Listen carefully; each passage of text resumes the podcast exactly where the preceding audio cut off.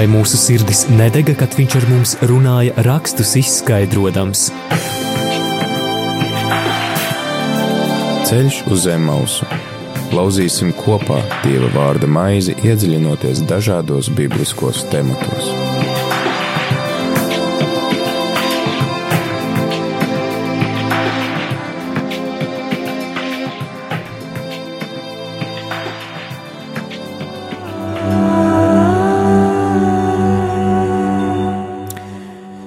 Radījumā arī Latvijas klausītāji 5 un 2 minūtes 4. 21. māja pēcpusdienā ar tevi ētrā priesteris Pēteris Skudra un laiks raidījumam ceļš uz Emmausu.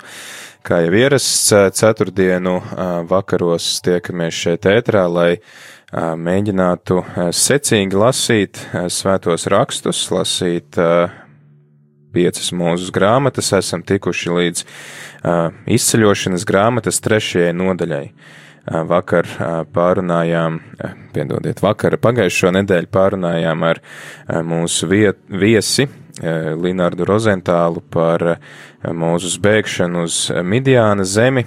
Šodien tad lasīsim to, kas ar mūzu notiek tuksnesī, kas notiek uh, tad, kad viņš ir kādu laiku ganījis savas sievas tēva avis, kad viņš ir iepazinis tūkstnesi, kāds tas ir, un būs arī tāda ļoti, ļoti interesanta sastapšanās viņam. Tā kā aicinu tevi klausītāji ņemt rokās izceļošanas grāmatu, atšķirt trešo nodaļu, šodien lasīsim no 1 līdz 12. pantam, visu nodaļu nelasīsim, nodaļas pārējos pantus atstāsim nākamās nedēļas raidījumam, kas mums šogad arī būs šajā sezonā pēdējais raidījums, un pēc tam jau tad jūnijā skanēs šī raidījuma atkārtojumi līdz septembrim, kad atkal tiksimies tiešraidēs. Un kā ierasts mums ir viesis šajā raidījumā, šodien tas ir Mateja draudzes sludinātājs Matīs Bobrovskis. Labvakar! Labs vakars, Pēter, labs vakars visiem, kas mūs klausās. Daļa klausītāju, kas klausās laiks īstiem vīriem, ir dzirdējuši tavu balsi. Varbūt, ja kāds ir ieslēdzis šo raidījumu, nav dzirdējis laiks īstiem vīriem, varbūt vari mazliet par sevi pastāstīt, kas ir sludinātājs un ko viņš dara un, un jā, kas tu esi. Jā, es esmu no Rīgas Matai Baptistu draudzes un esmu tiešām sludinātājs tur tieši šodien, pēc ilgiem laikiem, ielogojos savā LinkedIn profilā, jo redzēju e-pastā, ka tur kāds draudzības uzaicinājums un skatījos, ka ir jau pāris gadi pagājuši kopš esmu sludinātājs Matejā. Un, um, Baptistu draugzēs tas uh, process ir vienkāršs. Uh, ceļā uz mācītāju amatu tu esi pāris gadus sludinātājs. Un uh, es uh, vispār kalpoju draudzē jau kopš kļuvu par kristieti, kopš es piedzīvoju Dievu personīgi un uzticēju viņam savu dzīvi, diezgan ātri aptvēru, ka ir kaut kas arī jādod pārējiem saviem līdzcilvēkiem, sāku kalpot dažādās nozarēs un atapos kalpojot vairāk vai mazāk regulāri jauniešiem, laiks gāja uz priekšu, uh, Nu, nav mums draudzē varbūt tāda amata, bet eh, kļuvu par jauniešu kalpošanas vadītāju, kā jauniešu mācītāju. Sāku studēt mazliet vairāk teoloģiju, eh, tādu praktisko teoloģiju, un nu, jau draudzē esmu jā, kā sludinātājs, pilna laika kalpotājs, kurš nu, vairs ne tikai ar jauniešiem darbojas, bet nu, jau ar uh, visiem. Paldies, ka arī atradi laiku būt kopā ar mums šeit ceļā uz Emaus un dalīties ar šīs dienas izvēlēto fragmentu, ar ko tev asociējās izceļošanas grāmata un ka tu izdzirdi mūzus vārdu un visus tos notikumus, kas notiek Eģiptē. Nu, esmu uzaudzis arī kristīgā ģimenē, līdz ar to šie stāsti ir dziļi, dziļi prātā un sirdī bijuši. Šobrīd, gudīgi sakot, daudz biežāk es tos lasu priekšā savai meitiņai, kurai nu pat apritē trīs gadi, un viņai ir visādas bērnu bībelītes, un tad viņa vakarā pirms gulētiešanas prasa, paliec man šo grāmatu. un ļoti bieži gadās, ka tā ir tieši bībele, un tad arī, protams, šie mūzu stāsti, izceļošanas stāsti, un man liekas, ka otra lieta, ar ko tas asociējas ne tikai ar šiem spilgtiem stāstiem, bet ar to, ka daudz jaunu kristiešu, kas sāk lasīt bībeli, viņi izlasa pirmo mūsu grāmatu radīšanas stāstu, visu kā iesākās. Viņiem liekas ļoti interesanti. Viņi izlasa izceļošanas stāstu, otro mūsu grāmatu. Viņi... Tie ir kā tādi krimiķi, ko lasīt. Nu, ļoti tur, ir, sižets, jā. tur ir ļoti daudz interesantu notikumu un visādas um, labas lietas notiek. Daudz pārmaiņas, daudz notikumu. Un, un tad jau ieslēdzās trešā, ceturtā mūsu grāmata, kur parasti ir lūziens. Otra, pirmās divas cilvēki uh, tā, tā diezgan cītīgi lasa un saka, es nesaprotu, kāpēc visi iesaka lasīt jauno darību sākumā, jo taču mūzes grāmatas arī ir interesants, bet viņi nav tikuši līdz 3. 4. mūzes grāmatai. Tā kā man liekas, ka otrā mūzes grāmata ir uh, zīmīga ar tieši tām daudzajām izmaiņām, kas notiek. Viņi man liekas ļoti labi atspoguļo arī to cilvēku, nu, varētu teikt, nepastāvību. Mēs arī, arī uh, šodien mazliet pieskarsimies varbūt tās uh, nu, tam, ko, ko Dievs ar mūzu runā, un, un uh, Sīnai kalnam, jeb Horeba kalnam šajā gadījumā. Un uh, man liekas, ka arī vēlāk, tā, kad uh, tauta nonāk tur, kur, kur viņi saņem bauslību, Mūsu ir mazliet pa ilgu kalnā, un viņi jau, hei, mums vajag uh, zelta teļu. Nu, jo, jo kas var zināt, kas ar to dievu, kas ar to mūzu. Nu, man liekas, ka tas arī diezgan zīmīgi arī parāda mums. Uh, mums liekas, Šodien klausījos vienu svētkrunu, kur kāds mācītājs runā. Viņš saka, daudziem šajā krīzē, mazliet varbūt pandēmijas laikā, kādi ir varbūt pirmoreiz pietvērušies Bībelē un atvēruši un sākuši pirmoreiz lūgt, vai pēc ilgiem laikiem sākuši lūgt. Cits atkal, varbūt, kurš ir dzīvojis ar lielu pārliecību, ka viņš ir neskāds kristietis, nes cik dziļi viņam ir ticība, viņš sāk šaubīties, viņš sāk uzdot jautājumus Dievs, ko tu dari, ko, kāpēc tu dari tā, kā tu dari, un, un man liekas, ka tas arī mums liek izvērtēt. Vai eh, skatoties šajā mūsu grāmatā, mēs nevaram ieraudzīt, ka mēs esam līdzīgi un reizēm pat tikpat nepastāvīgi, kā, kā šie cilvēki. Un mēs, kā lasām, liekas, es tā nekad nerīkotos, es jau būtu labāks, es jau uzreiz, ja Dievs ar mani runātu, tur nemēģinātu atrunāties vai kā. Bet, Bet patiesībā, nu, tā, mēs dzīvē saskaramies ar kaut kādām līdzvērtīgām situācijām, tad, tad arī nu, bieži vien mēs rīkojamies līdzīgi vai pat vēl, vēl bezdievīgāk. Jā, man pašam liekas, tas vis, visparadoxālākā. Tā sanāk, laikam, 15. un 16. nodaļa, ka viņi ir tikko pārgājuši vērienīgi, nu, tā, nu, jā, tiešām nu, tāda kaut kāda neizskaidrojama spēka. Jā. Nu, pat ja mēs arī varētu izskaidrot, kāpēc viņi varēja pāriet, nezinu, tur bēgums vai kas, ja eģiptieši tajā pašā vietā ir noslīkuši vai ne, un, un vispār nepaceļot ieročus, viņi ir, viņi ir izbēguši no verdzības zemes, un nākamajā nodaļā ir, ai, ejam atpakaļ, mums te nav ko ēst un dzert. Jā. nu, jā, nu, nu, cilvēks ir kā pēc būtības tāds ļoti, ļoti emocionāls radījums. Dievs mūs radīja kā radības kroni, un, un, un uh, mēs esam brīnišķīgi radīti. Un tajā pašā laikā mēs esam tik bieži nu, ļoti vāji. Un, un brīnām ir tā mūsu pacietība ar tiem cilvēkiem, jo arī kas mani pārsteidz šajā grāmatā ir tas, ka uh, pat Dievs ir biežāk tas, kurš saka, viss man šī tauta ir apnikusi, metam malā, jā, un tagad es, viņš saka, nē, nē, nē pagaidi, jā, tu devi solījumu nu, mēģinam vēlreiz, dodam vēl jā, to pašu, ko tu pieminēji, tās 40 dienas, ko viņš pavadīja, kamēr baušļi tiek uzrakstīti, viņš iet vēlreiz 40 dienas un naktis pavadīt tajā kalnā, lai lūgtos, lai aizlūgtu par tautu un lai atkal saņemtu šos baušļus. Tā kā, jā, apbrīnojam pacietību mums māca Mūzus, cilvēces priekšā, cilvēcības priekšā, gan savas, gan, gan citu cilvēku un, un nezaudēt. Tā bija arī lieta, ko mēs pārunājām iepriekšējā raidījumā ar Linārdu, ka jā, nezaudēt, nezaudēt ticību cilvēcei pat ja mums nākas tajā vilties. Nu, ko klausītāji, tad ķeramies klāt šīs dienas nodaļai, tā ir trešā nodaļa, lasīsim no 1 līdz 12 pantam, tad droši sameklē savus svētos rakstus, vari lasīt līdzi, sekot līdzi un arī nebaidies iesaistīties raidījumā. Zvani uz numuru 679, 691, 131, vai arī raksta īsiņas uz numuru 266, 77, 272, un mums ar Matīsu var pastāstīt, kas tevi uzrunā mūsu stāstā, vai varbūt konkrēti šajā nodaļā, vai vispār stāstā par mūzu, kas ir tās lietas, kas tev ir iekritušas sirdī, prātā, un ar kurām tu vēlies padalīties, tā mēs kopā varam lasīt šo Dievu vārdu un viens otru arī stiprināt.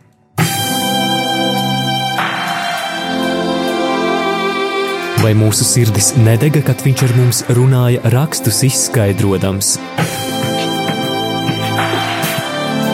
Ceļš uz zem mausu Lauzīsim kopā Dieva vārda maizi, iedziļinoties dažādos bibliskos tematos.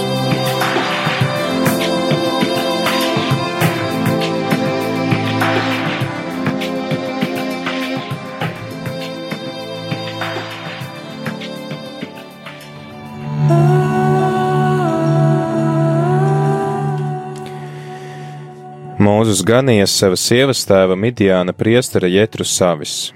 Viņš zina avis pāri tūkstnesim un nonāca pie dieva kalna Horeba. Un uguns liesmā viņam parādījās kunga eņģelis no ērkšķu krūma. Viņš raudzījās un redzi, ērkšķu krūms dega ugunī, bet nesadega. Mūzus teica: Pieiešu apskatīt šo lielo parādību, kāpēc ērkšķu krūms nesadega un kungs ieraudzīja, ka viņš nāk klāt, lai redzētu, un Dievs sauca viņam no ērkšķu krūma vidus mūzu, mūzu, un tas teica, es šeit. Tad viņš teica, netuvojies, noauj sandeles no savām kājām, jo vieta, kur tu stāvi, ir svēta zeme.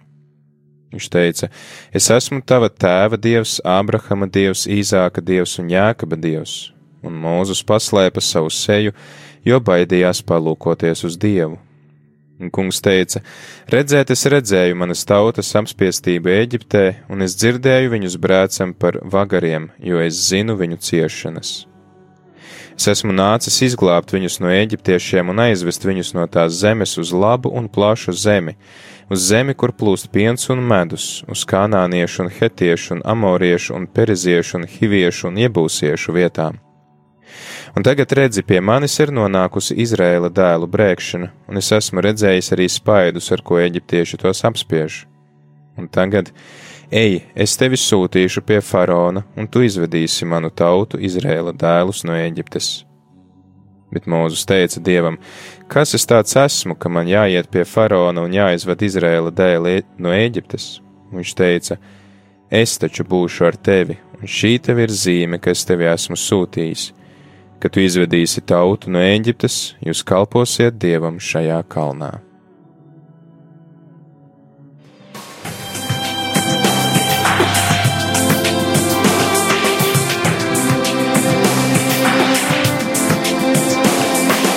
Ceļš uz zem mausu katru ceturtdienu, pulkstens 17.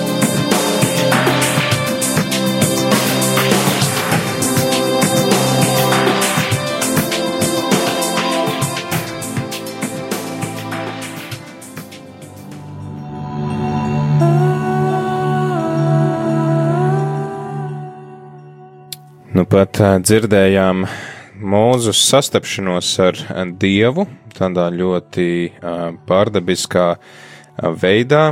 No vienas puses, ļoti dabiskos, parastos apstākļos mūzus kā kārtējo reizi vēd kaut kur avis, un tad pēkšņi viņš ierauga, gan ir teicis, ka parādījās kunga eņģelis, un no ērkšķu krūma viņš raudzījās.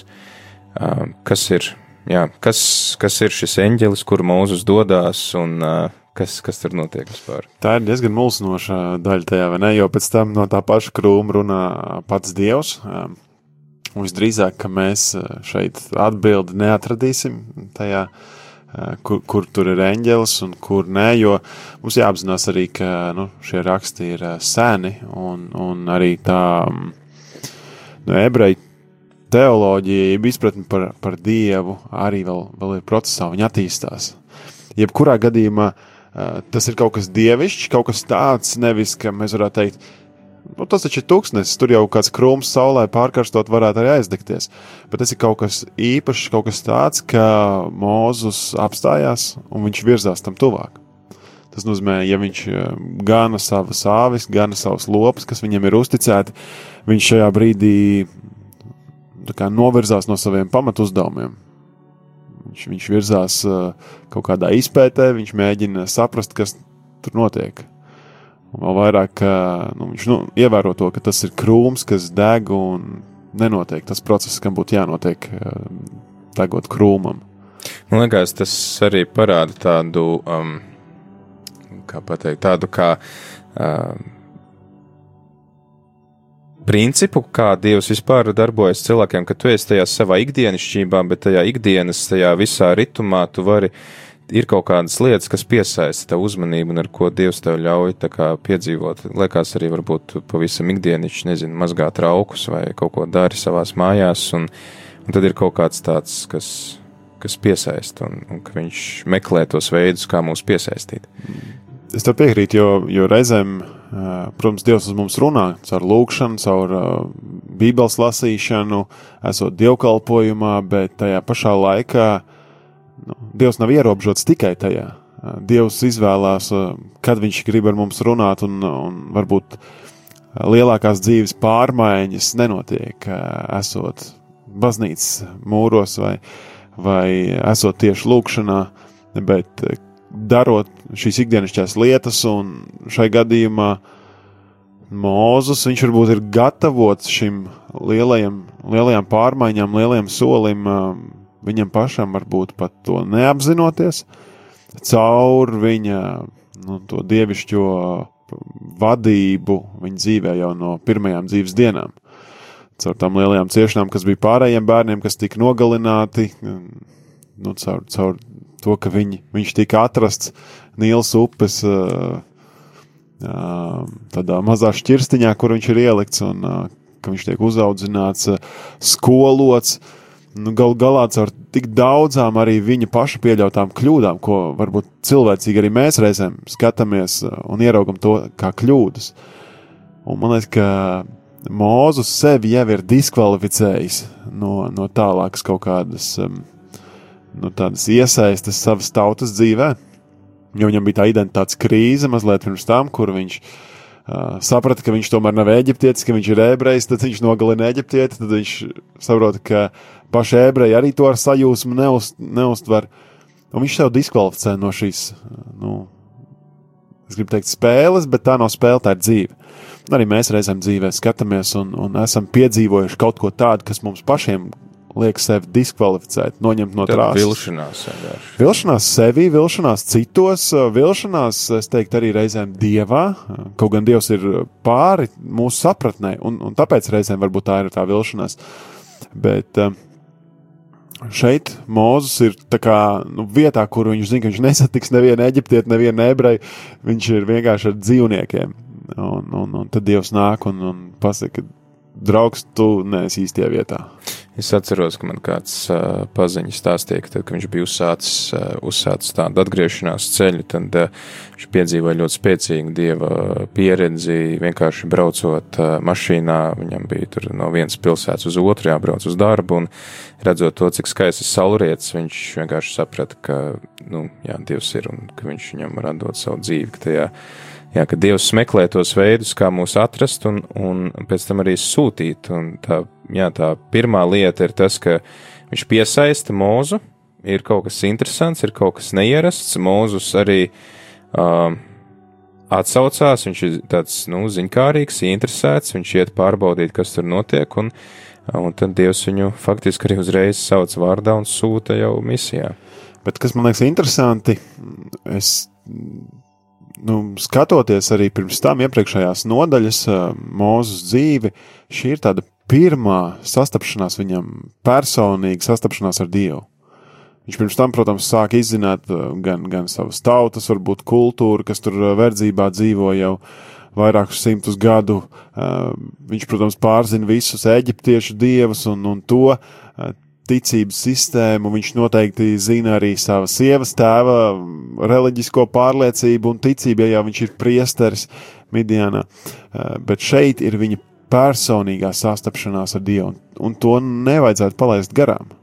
Jo man liekas, ka tajā brīdī, kad mēs sastopamies arī ar uh, Dievu, kad mums ir viens ir tas, ko vecāki ir ielipu, ielikuši mums šūpulī, ko viņi mums ir mācījuši, kā viņi mums ir audzinājuši, bet um, nu, ir tas teiciens, ka dievam nav mazbērnu, un, un eh, šeit Mozus piedzīvo to, ka Dievs runā ar viņu, un arī Dievs runā ar, ar katru mūsu klausītāju, ar mums.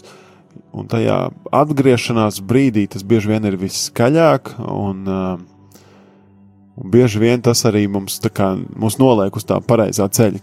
Viņš ieliek kaut kādu aicinājumu, kaut kādu uzdevumu. Un Dievs vienmēr sauc mūsu vārdā. Tas man atsaucas atmiņā, ko pravieši saka Jeremijas izsais, ka pirms vēl tu biji piedzimis, es jau tevi saucu vārdā, vai izsais vispār teikt, ka Dievs ir ietatuvējis, iegriezis to mūsu vārdu sev plaukstās, lai, lai, lai visu laiku redzētu, ka, vai tāpat, piemēram, mēs, nezinu, Samuēls arī, jā, Samuēls, Samuēl, un ka Dievs katru, katru mūsu uzrunā ļoti personiski, ļoti individuāli, uh, ļoti tā mums saprotamā un tuvā veidā. Un es gribu vēl, nu, ja mēs runājam par to, ka Dievs sauc vārdā, viņš arī mēdz mūs saukt pilnīgi citā vārdā. Paskatāmies uz Jēzu, kā viņš savus mācekļus. Viņš saka, tev sauc Pēters, no nu, tad tu būsi kēfa, jo tu esi klīns, es uz tevi gribu būvēt kaut ko. Un, un no tā arī nevajag nobīties. Ok, Dievs mūs sauc vārdā, viņš zina, ka tev sauc Pēters, ka man sauc Matīs, uh, ka kādu sauc Jānis, citu sauc Anna un tā tālāk. Bet viņš var iedot arī pilnīgi jaunu identitāti. Mm. Pilnīgi jaunu, un, un reizēm tas var nozīmēt mainīt vārdu. Bet varbūt tās, tas uh, pat nav tas būtiskākais mūsdienās, nomainīt savu vārdu. Tas ir ļoti vienkārši. Bet uh, kas man liekas daudz svarīgāk, ka Dievs izmaina to patiešām virzību mūsu dzīvē, kas mēs esam. Uh, Es atgriešanās brīdī, nevienā brīdī ne, neiedomājos, ka es varētu būt mācītājs. Un, un es domāju, ka arī tu tajā brīdī, kad tavs ticības ceļš sākās, Diez vai tā pirmā doma bija, hei, es būšu priesteris. Nu, un, viduslaikos tā audzināja bērns, jā. Šitais ies klosteri, tas precēs. Nu, jā, tas... nu, vecāko dēlu no, novēl baznīcai. Nu, tas arī ir princips. Jā, es esmu vienīgais dēls saviem vecākiem. Man ir divas māsas, vai ne? Varbūt tāpēc es esmu novēlēts draudzē, bet, bet tajā pašā laikā nu, um, mēs aizkadrā runājam, ka viņš gana lopus. Un ka tas ir būtisks, būtisks lielums, ne? Ka mēs redzam daudziem dieva vadītājiem. Tā ir bijusi tāda pozīcija, kur viņi ir.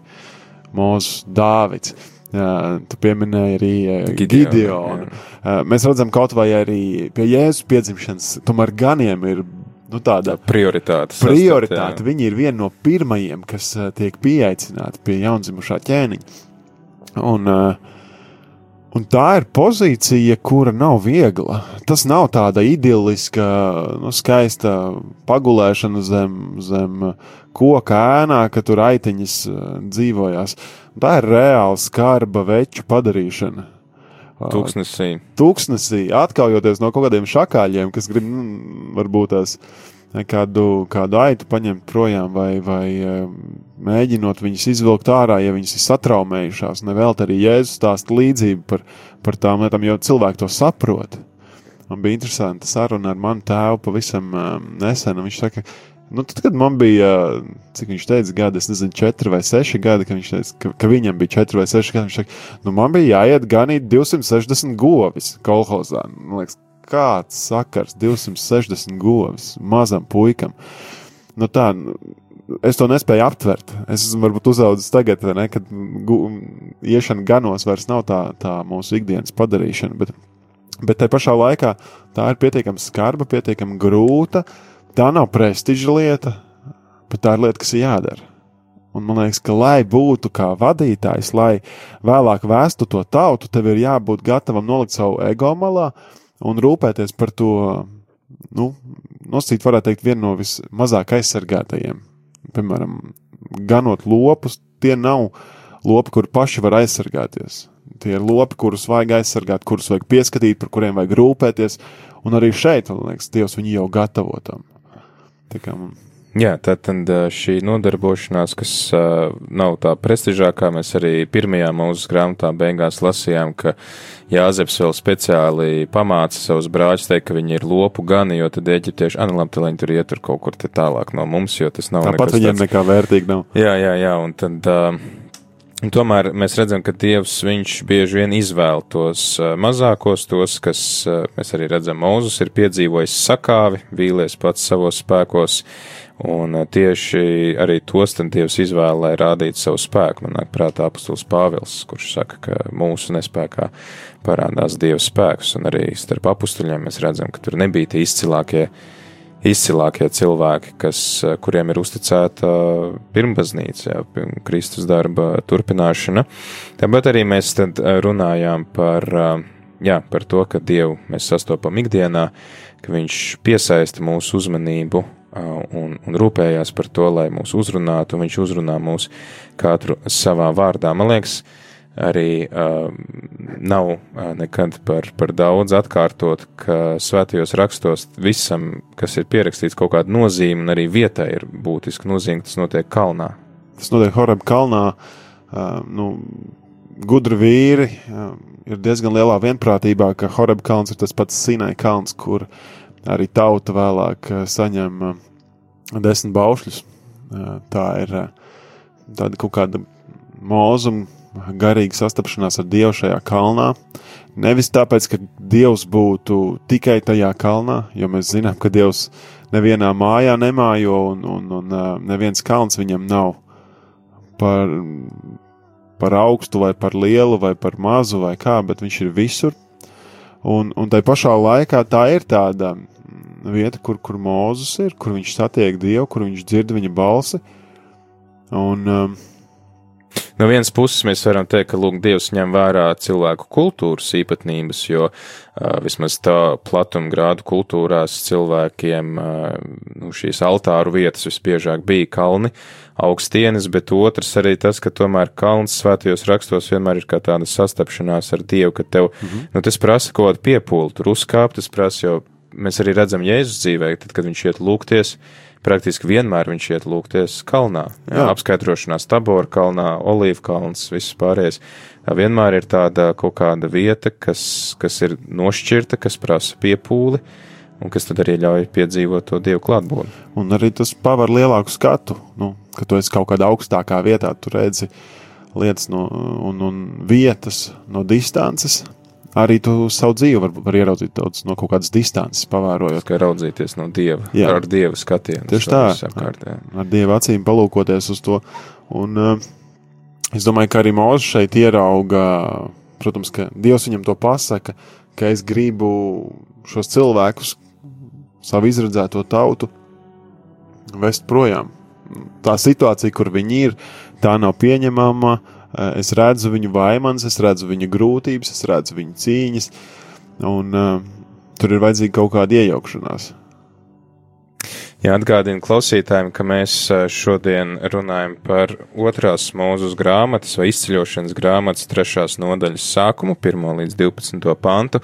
Kopā ar mums ir Rīgas Mateja draudzes sludinātājs Matīs Babrovskis, un aicinam arī tevi iesaistīties šajā raidījumā, pastāst, kas tevi uzrunā stāstā par mūzu, tajā, kā mūzus sastop dievu degošajā ērkšķu krūmā, kas varbūt ir tie jautājumi, kas tev raisās. Un tad, lai palīdzētu mazliet pārdomāt to visu, ko mēs esam runājuši, tagad laiks ciesmai.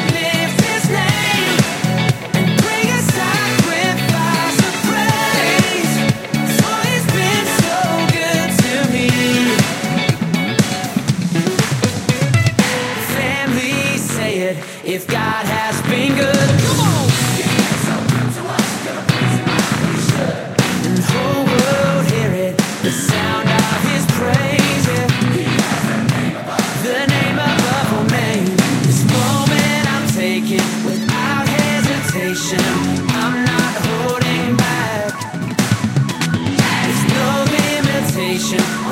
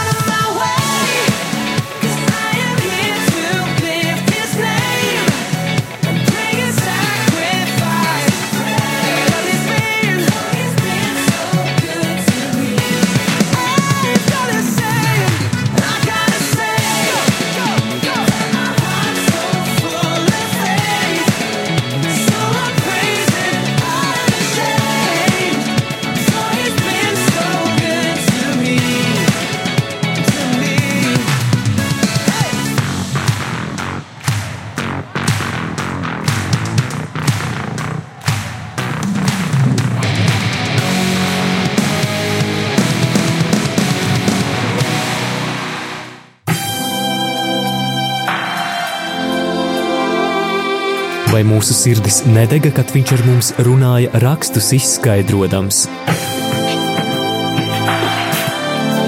Ceļš uz zem mausu. Lauzīsim kopā Dieva vārda maizi, iedziļinoties dažādos bibliskos tematos.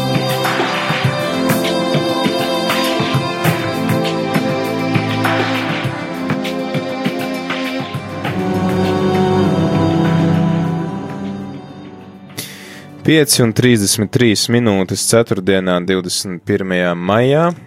Turpinām raidījumu ceļš uz Zemaus ar tevi ētrā priestris Pēteris Skudru un kopā ar mums arī Rīgas Mateja draudzes sludinātājs Matīs Bobrovskis. Un šodien mēs runājam par izceļošanas grāmatas trešo nodaļu, par ā, pirmajiem 12 pantiem. Mēs diezgan daudz pārunājam tad gan par ā, Mūzus ā, sastapšanos ar Dievu, par tiem apstākļiem, kā tas notika, tātad, ka mums lasot svētos rakstus ir svarīgi tad arī lasīt to, kas notiek, kur notiek, kā notiek, jo tam visam ir nozīme. Svētajos rakstos visur tad sastapšanās ar Dievu, tiksim tā, kalns ir vieta, kur cilvēks sastom Dievu.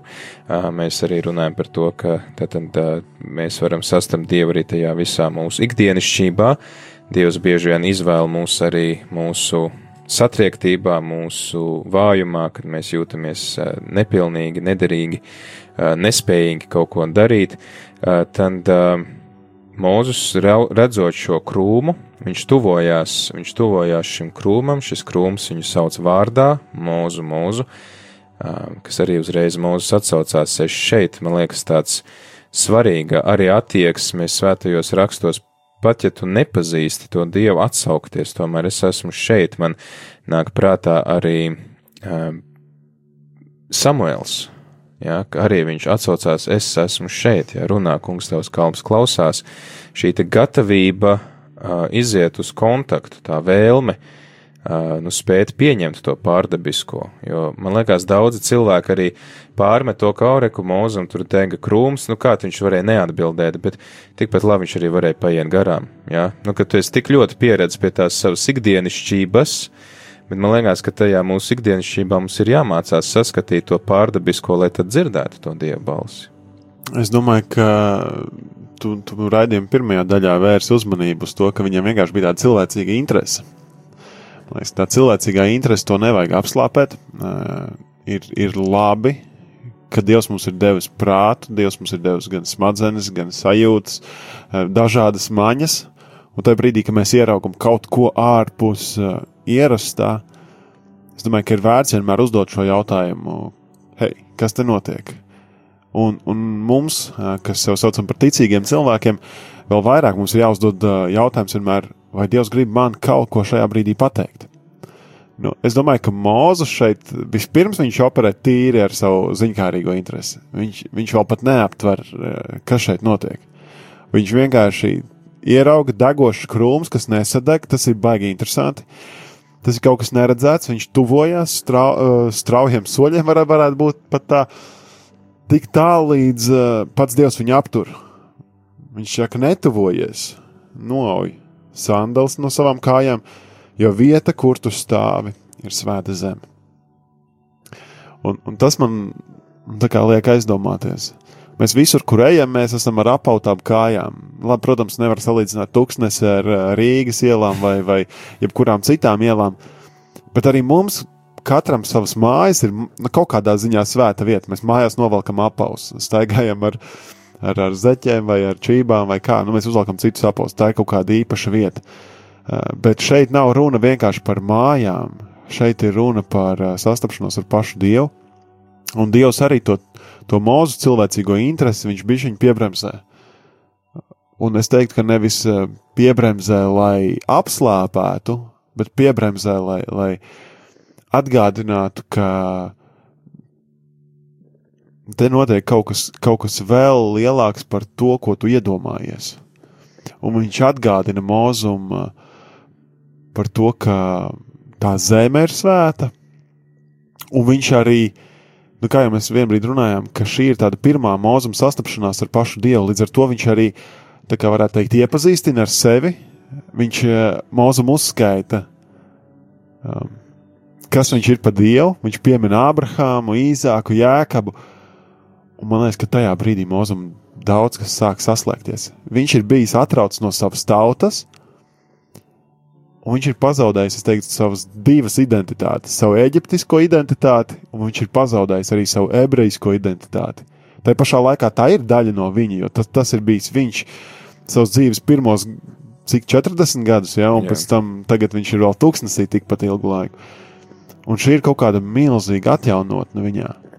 Sastapšanās ar Dievu ir kaut kas, kas uh, sāk savienot tos viņa dzīves punktus kopā.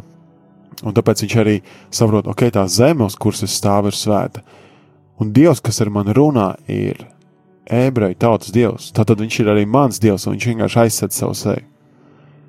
Es neesmu pārāk liels um, Eģiptes kultūras pazinējs, bet man liekas, ka Eģiptē saskaroties ar um, dievišķo neaizsardz seju. Bet šeit ir. Es, es tiešām neesmu. Bet, nu, arī jā, tas, tas, ka pēc tam mēs lasīsim, ka mūsu ir vienīgais, ar kuru Dievs runā gan arī zvaigu vaigā.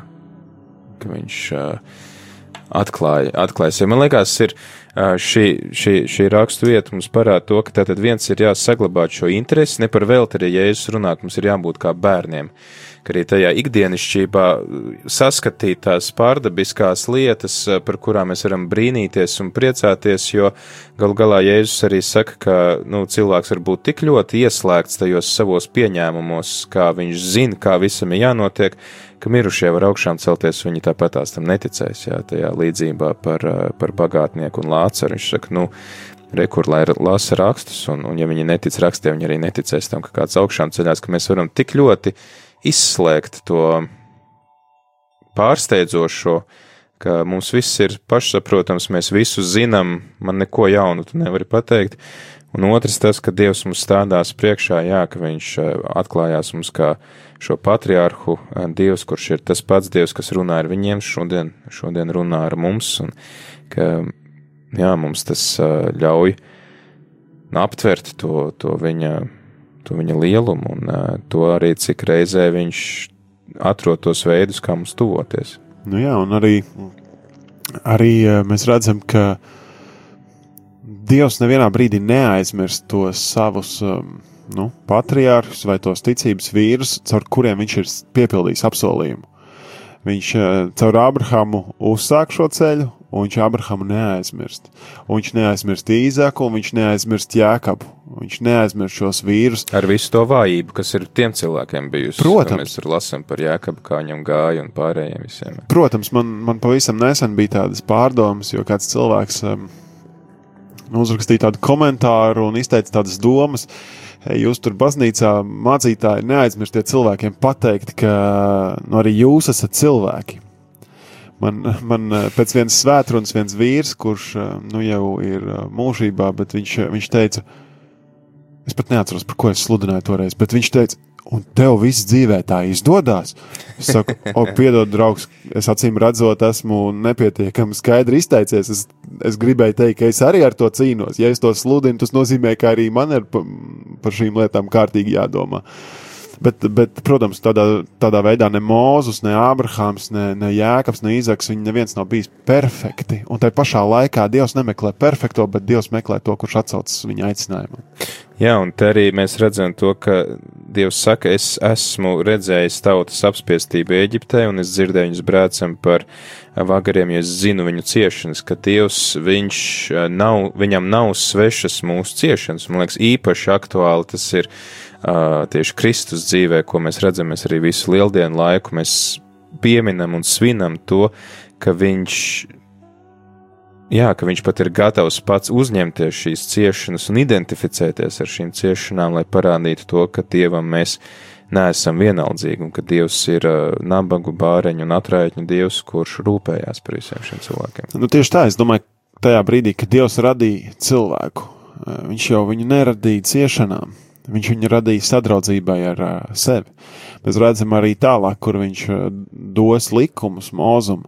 Viņš arī dod viņus ar kaut kādu priekšnosacījumu. Es jums dodu šos likumus, nevis lai jums sačakrētu un sabojātu dzīvi, bet es jums dodu, lai jūs labi un ilgi varētu dzīvot tajā zemē, ko es jums došu. Ok, es mazliet steidzos, mazliet notikumiem pa priekšu, bet, uh, bet tajā pašā laikā tas parāda Dievu sirdi. Viņam jau rūp tā cilvēka ikdienas dzīve.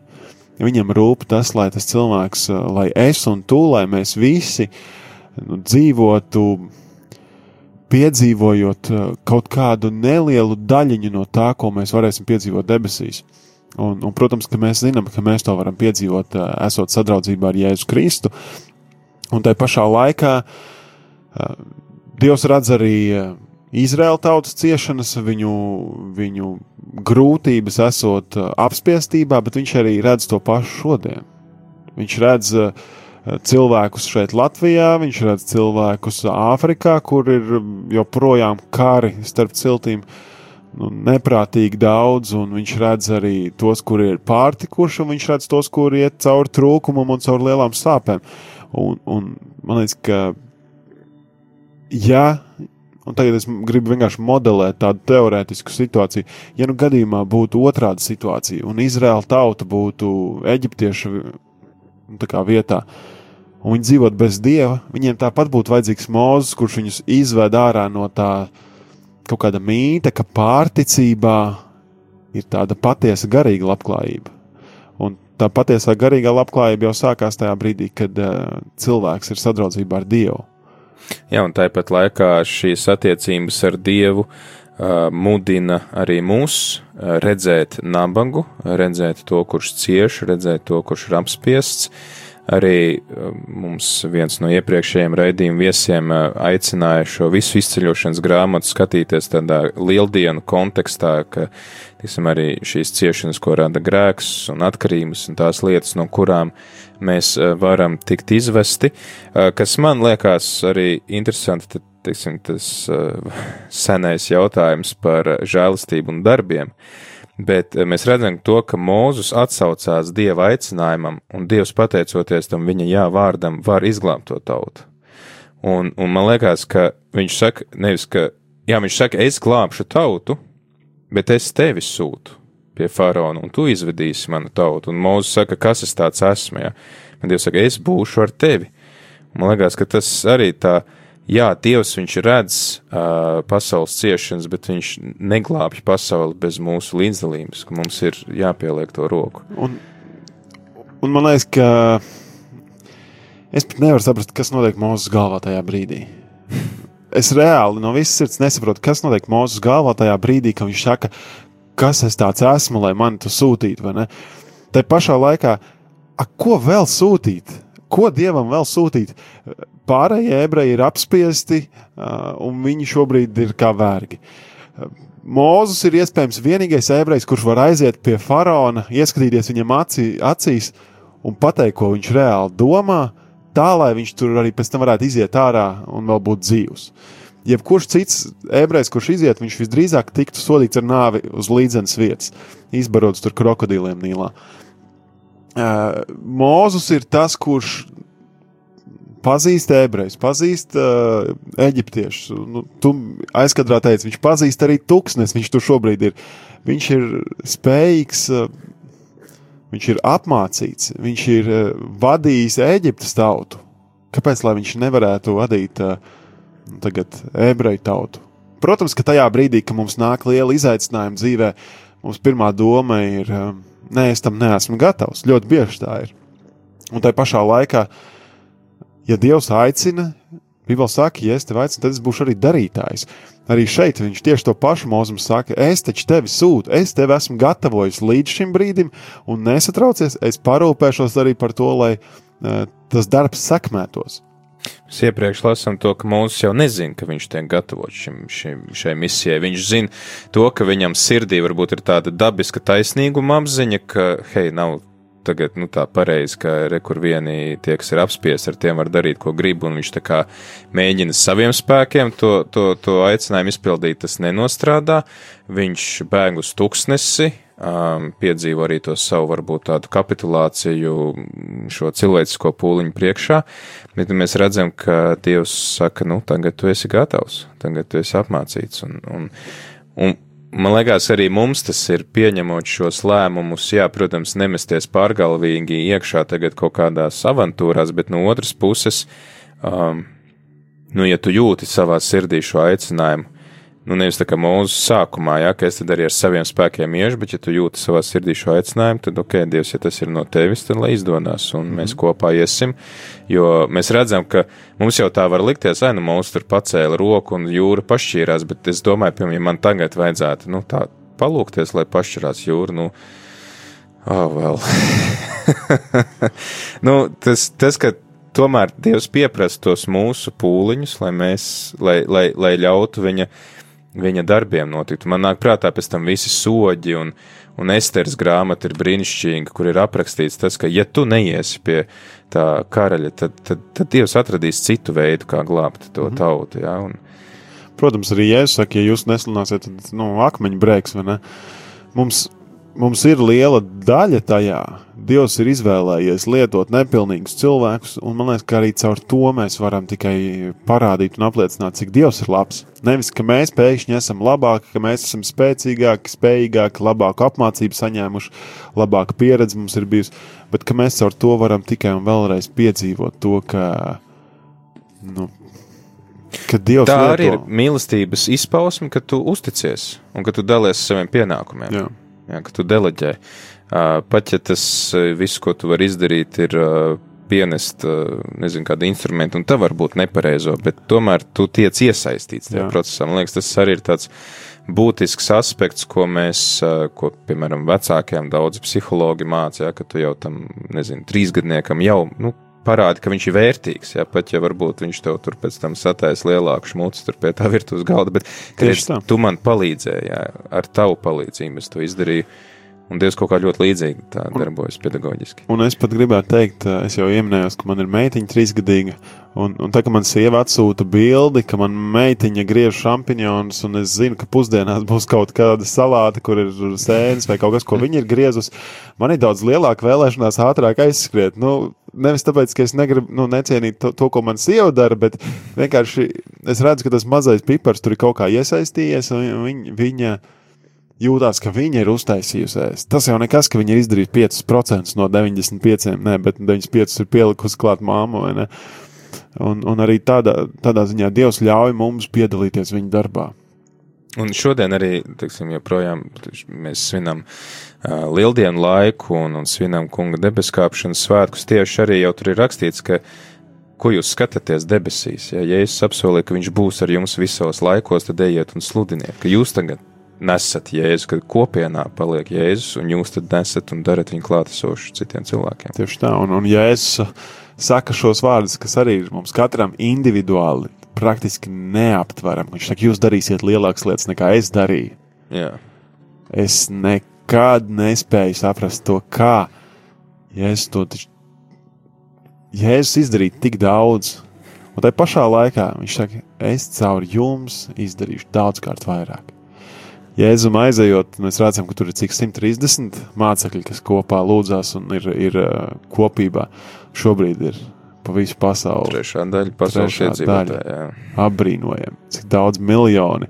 Un, un, um, tas ir vienkārši fantastiski, ko Dievs dara caur pilnīgi nepilnīgiem, nepietiekami kvalificētiem, grēcīgiem cilvēkiem, kuri turpina kļūdīties, turpina pieļaut uh, kļūdas, pateikt nepareizās lietas, uh, izdarīt nepareizās lietas. pašā turpina laikā- teikt, es šeit. Jā, es esmu šeit, Dievs, ja tu esi ar mani, es esmu gatavs darīt, pat ja es nejūtos tajā brīdī gatavs. Ko es domāju, ka mēs uz šīs nots arī varam noslēgt klausītāju aicinām, tad arī tevi būt gatavam teikt Dievam, es šeit. Un, uh, jā, nebaidies arī teikt Dievam, kā mūzis, to, ka, hei, es neesmu šitam gatavs.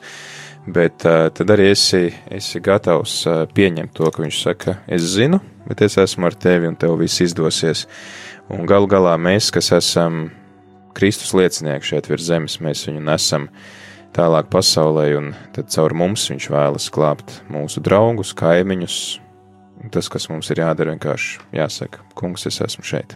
Paldies, Matīs, ka tev bija laiks būt kopā ar mums šajā raidījumā, ka dalījies ne tikai savās pārdomās, arī ar savu privāto dzīvi. Tagad mēs visi zinām, ka tev ir trīsgadīga meita. Var pasveicināt viņu. Noteikti viņš šobrīd noteikti neklausās, bet viņi ir pie omītes. Jā. Paldies arī jums, klausītāji, par um, pacietīgo klausīšanos. Šoreiz bez uh, telefona zvaniem un īsiņām, bet nu, nekas pavisam, pavisam drīz, pulksten sešos, turpināsim ar uh, svētās mīsas translāciju, kas šodien būs atkal no uh, Liepājas uh, svētā Jāzepa katedrālis. Šodien svinam kunga debeskāpšanas svētkus. Priecīgus svētkus visiem un tiekamies jau tad rādījumā arī ēterā pēc pavisam īsa brīža.